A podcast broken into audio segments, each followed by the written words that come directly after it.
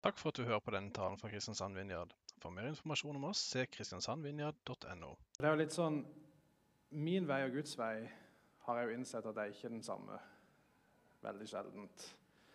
Um, og i sommer i fjor så gikk jeg inn, inn i en prosess, fortsatt inn i den, som gjorde at jeg ble veldig desperat og leita veldig etter en vei ut av det jeg sto i. Jeg stilte meg veldig mange spørsmål. Jeg lurte på trenger jeg finne meg en ny jobb. Kommer jeg til å kunne klare å ha en jobb? Eh, er jeg dømt til å ende opp ufør? Skulle jeg begynne å studere? Hva kunne jeg studere? Kommer jeg til å klare det hvis jeg begynte å studere igjen? Burde jeg eventuelt få meg en jobb med mindre trøkk? Og så gravde jeg meg veldig ned i alle disse tankene. Og uansett hva jeg gjorde, så var det ingenting. Ingen svar, ingen tydelig vei. Eneste jeg visste, at var at jeg var fanga i noe som jeg ikke klarte å komme meg ut av. Men så er det litt sånn Hvorfor var jeg her? Og Da må vi spole litt tilbake igjen.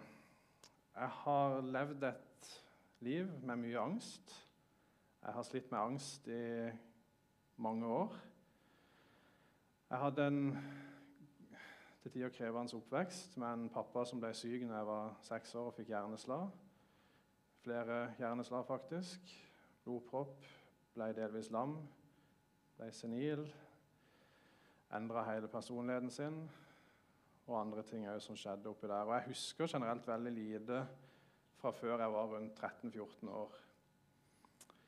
Eh, for fem år siden var jeg langtidssykemeldt i den forrige jobben jeg hadde. Uh, og i begynnelsen av 2021 så fikk jeg en personlig knekk pga. en del ting som skjedde på hjemmebane. Og jeg gikk inn i en tid med veldig mye depresjon, veldig mye angst. Og som jeg sa, Uansett hva jeg prøvde å gjøre for å komme meg ut av det, uansett alle spørsmålene jeg stilte, så så jeg ikke hvordan jeg skulle klare å komme gjennom eller ut av dette. Og så er det jo, så er det jo Gud oppi dette, da så er det jo en litt sånn interessant historie om Elia som står i Bibelen. Det står i første kongebok. Hvis ikke dere har lest den, så les den. Elia var en helt uh, Han opplevde et helt spesielt liv med Gud. Med så mye utrolige mirakler. og Det er jo nesten utrolig at det står i Gammeltestamentet og ikke Nytestamentet. Men iallfall så hadde han dette radikale livet med, med Gud. Men når kona til den kongen i Gammeltestamentet som han sto opp imot, trua med å drepe han, så står det i første kongebok i kapittel 16 at da ble Elia redd. Oi, meg litt, så kanskje ikke feedbacken kommer så veldig. Da ble Elia redd og skyndte seg av sted for å berge livet sitt. Han kom til Bersheba, som ligger i Juda. Der lot han tjenestegutten sin bli igjen. Selv gikk han ut en dagsreise ut i ørkenen han kom til en gyvelbusk, satte seg under den og ba om å få dø. 'Nå er det nok, Herre', sa han. 'Ta mitt liv, for jeg er ikke bedre enn fedrene mine.' Så la han seg ned og sovnet under gyvelbusken. Så har jeg innsett litt at det er litt sånn ofte gangen på ting når man møter utfordringer, møter problemer, møter ting som truer en i livet. For det første så glemmer vi hva Gud har gjort. Altså Elia er jo en av de gammeltestamentlige profetene som kanskje opplevde mest utrolige ting med Gud. Men allikevel, med en gang han møter en trussel om at noen skal drepe han, selv om han sjøl akkurat hadde stått imot 850 profeter og andre guder og kalt ned ild fra himmelen, så glemmer han Gud og blir redd. Så forsøker vi å rømme i vår egen styrke. Det står at Elia rømte ca. 17 mil for å berge seg selv. Til slutt ble vi utmatta hvis ikke vi er Magne. Magne kunne sikkert løpt 17 mil. vi isolerer oss selv.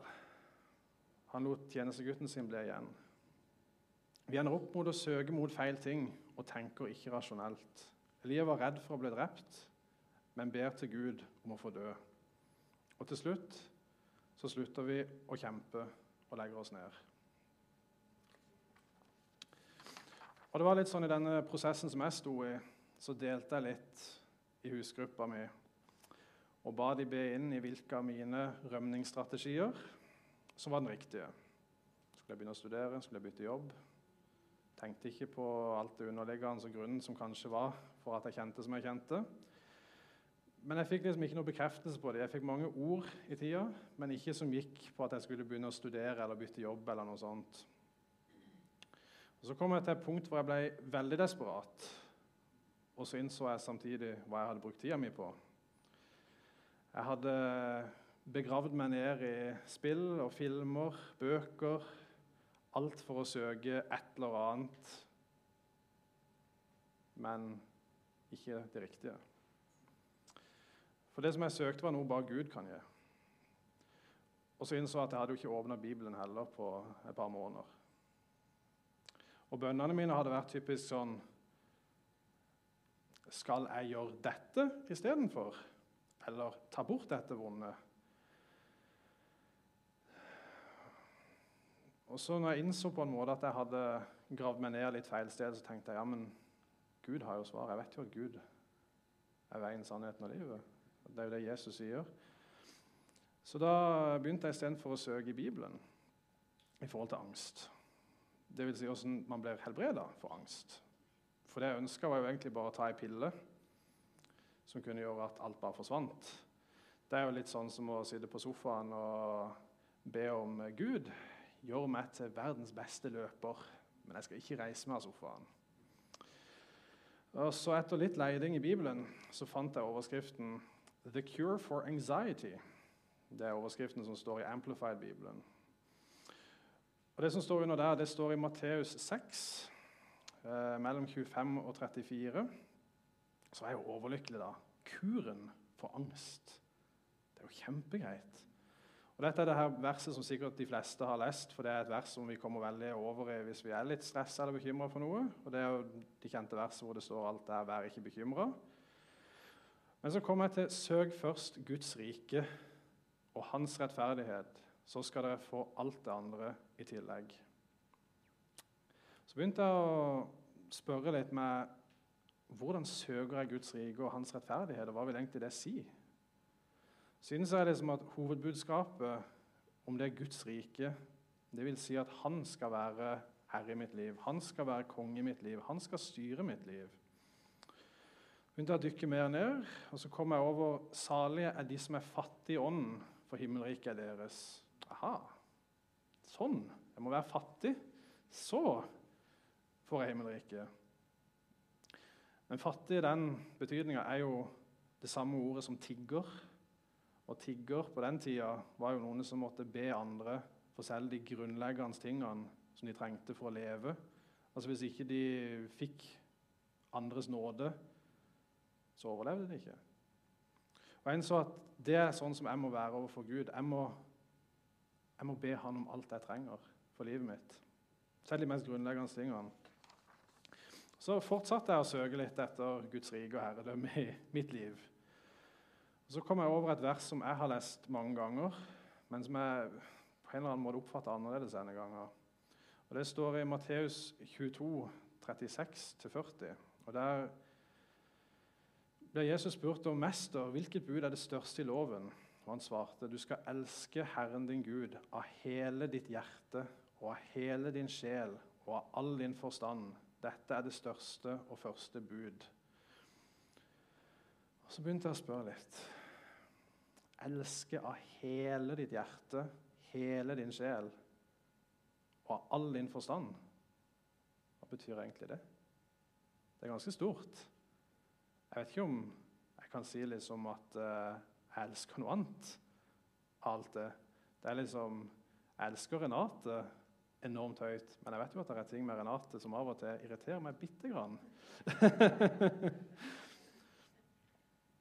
og så begynte jeg å be litt inn i det, og hva egentlig det betydde. Og så kom jeg over et uh, sted i Bibelen som iallfall i min versjon av Bibelen har overskriften 'Det udelte hjerte'.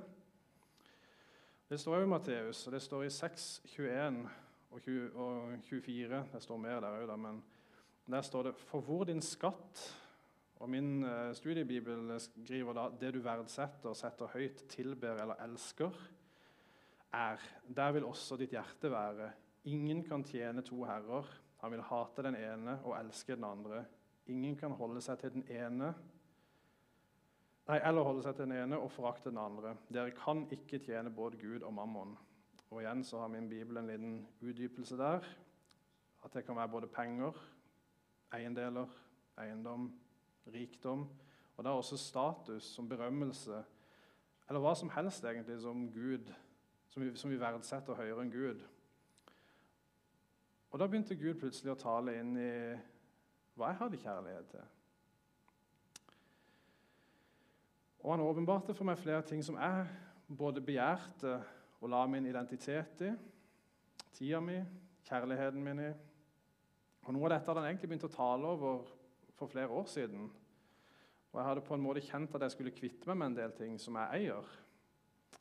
Eh, og noe av det hadde jeg klart å kvitte meg med. Og andre ting kjente jeg at eh, jeg klarte liksom ikke helt å gi slipp på. Men så innså jeg at jeg, grunnen til at jeg ikke klarte det, var jo fordi motivasjonen min var jo på en måte at uh, jeg skal kvitte meg med dette, for da blir jeg garantert helt frisk av alt som stresser meg, og all angst og alt. Og Det var liksom ikke motivasjonen som burde være på plass der. Og heller så ba jeg ikke over hvorfor jeg kjente sånn på dette. Hvorfor jeg kjente meg så knytta til disse tingene. Så jeg hadde noen bånd der som ikke var brutt. Og Ikke det at det er noe galt med ting, men det er liksom når ting får makt over deg, når du får kjærlighet til ting, eller at du legger identiteten din i ting, at det blir et problem, tenker jeg. Og Det var ikke bare i forhold til ting, men også i forhold til status. Det å vinne anerkjennelse og andre ting som jeg hadde nærmest gjort til avguder i livet mitt. Og Jeg begynte å be mer til Gud om at han måtte avdekke de stedene i mitt liv og mitt hjerte som jeg ikke søkte Hans rike og Hans rettferdighet. Og hvordan jeg kunne legge fram med disse tingene. Og Da begynte Gud å tale om tilgivelse. Og ikke så mye det at jeg skulle tilgi andre. Det hadde jeg på en måte gått gjennom en prosess ganske lenge om. Men nå begynte han å tale om at jeg måtte bekjenne mine synder for andre. Folk som jeg bar nag mot, folk som jeg hadde noe imot, folk som jeg hadde gjort urett mot. Og Det var særlig folk som jeg følte hadde gjort urett mot meg, som han plutselig begynte å tale om. At uh, jeg skulle bekjenne hva jeg følte overfor dem.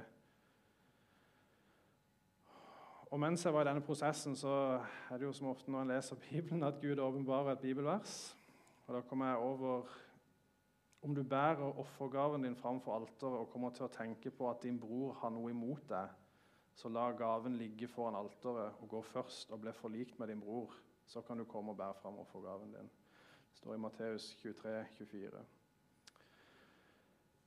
Altså om du kommer på at din bror har noe imot deg Ikke at jeg har noe imot noen, men at de har noe imot meg. Og Gud hadde i en periode åpenbart for meg noen jeg hadde en del sinne mot, en del ubearbeida ting. Så var jeg ute og gikk en dag. Så ble jeg hørende på en taleserie av ei som heter Lisa Bevere, som heter 'Healing for the Angry Heart'. Så begynte Gud å tale til meg om at jeg måtte gå til en spesifikk person og be om tilgivelse for at jeg hadde talt ufint til dem, om dem. At det hadde vært kranglende, at det hadde vært mangel, manglende respekt for dem. Og jeg kjente det var utrolig krevende. Og så Samme kveld som de tankene begynte å komme, så sa jeg leste i Bibelen. og Så kom jeg over ett spesielt bibelvers i ordspråkene.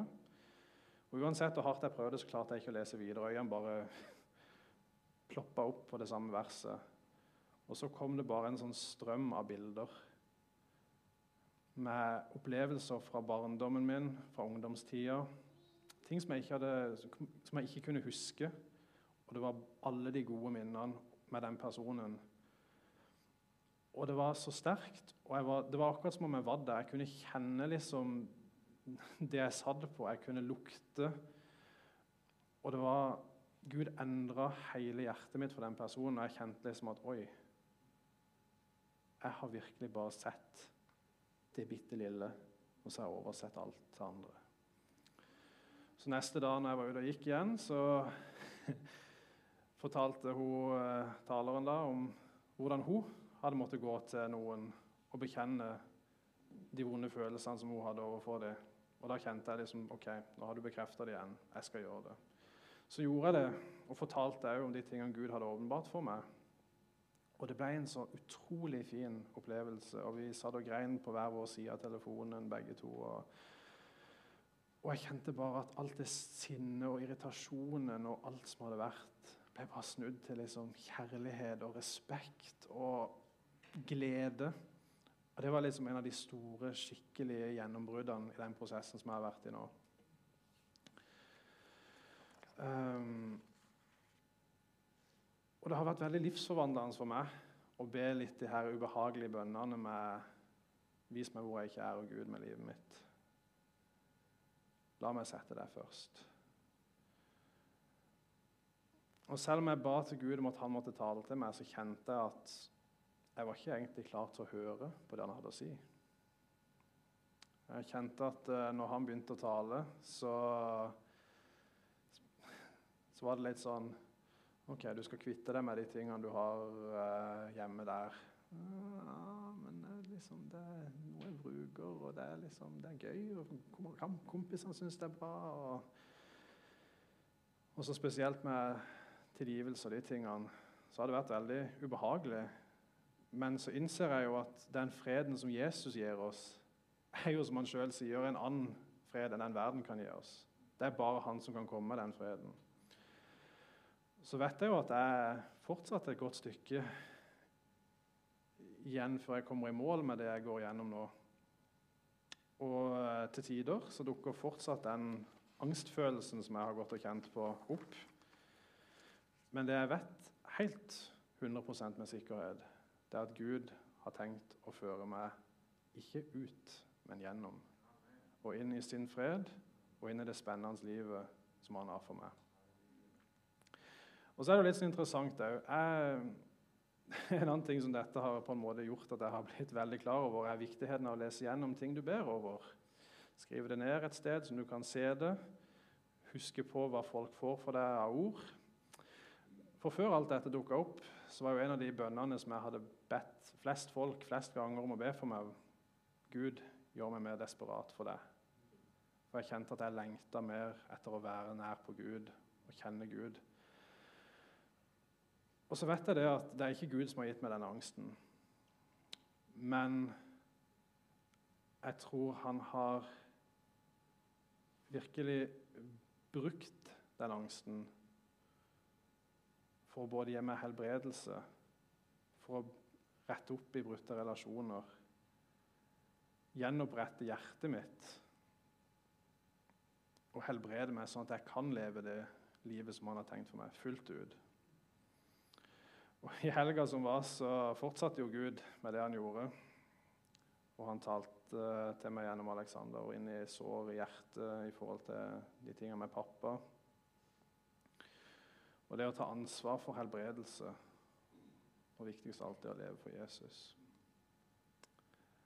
Så helt avslutningsvis vil jeg bare virkelig si at ha forventninger til Gud. Og Hvis du har ting i livet som du strever med, som meg, å gi slipp på, og som du kjenner at Gud har begynt å tale til deg over. Eller hvis det er ting som du strever med, så la oss stå sammen i bønn om det og ha forventninger til Han. La oss bare virkelig gi oss 100% til å søke Guds rike og hans rettferdighet. Jeg bare be. Takker deg bare, Jesus, for det du gjør i mitt liv takke for den friheten som bare du kan komme, og den freden som bare du kan komme med. Jesus, jeg bare ber om at uh, hvis det er andre som strever som jeg har gjort, med både angst og frykt, og ting som binder, ting som holder oss igjen fra å leve fullt ut sammen med deg og for deg, så bare ta tal inn i hjertene våre. La oss ha frimodighet til å stå fram og bekjenne det for deg og be om din vei gjennom det og fram til deg. La oss få se ditt rike i våre liv. La oss bare tørre å gi alt til deg. Takk for at du er god. Takk for at du vil gi oss styrke. Takk for at Din Hellige Ånd vil lede oss, tale til oss. Og for at du bare har det beste for oss. Selv om vi ikke alltid skjønner det sjøl.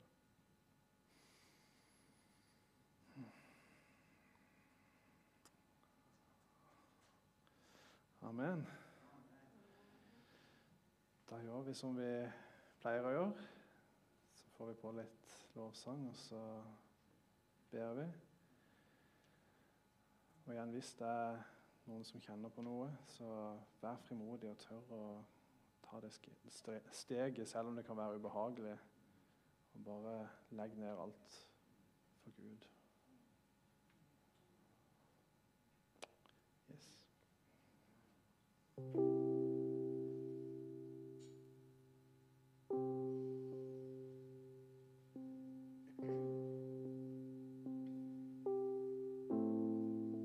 Takk for at du hørte på denne podkasten. Ta gjerne kontakt med oss via vår Facebook-side Kristiansand Vinjard, eller besøk oss på Vågsbygd ringvei 100 i Kristiansand. For mer informasjon om hva vi gjør og hvordan du kan bli involvert, gå inn på kristiansandvinjard.no.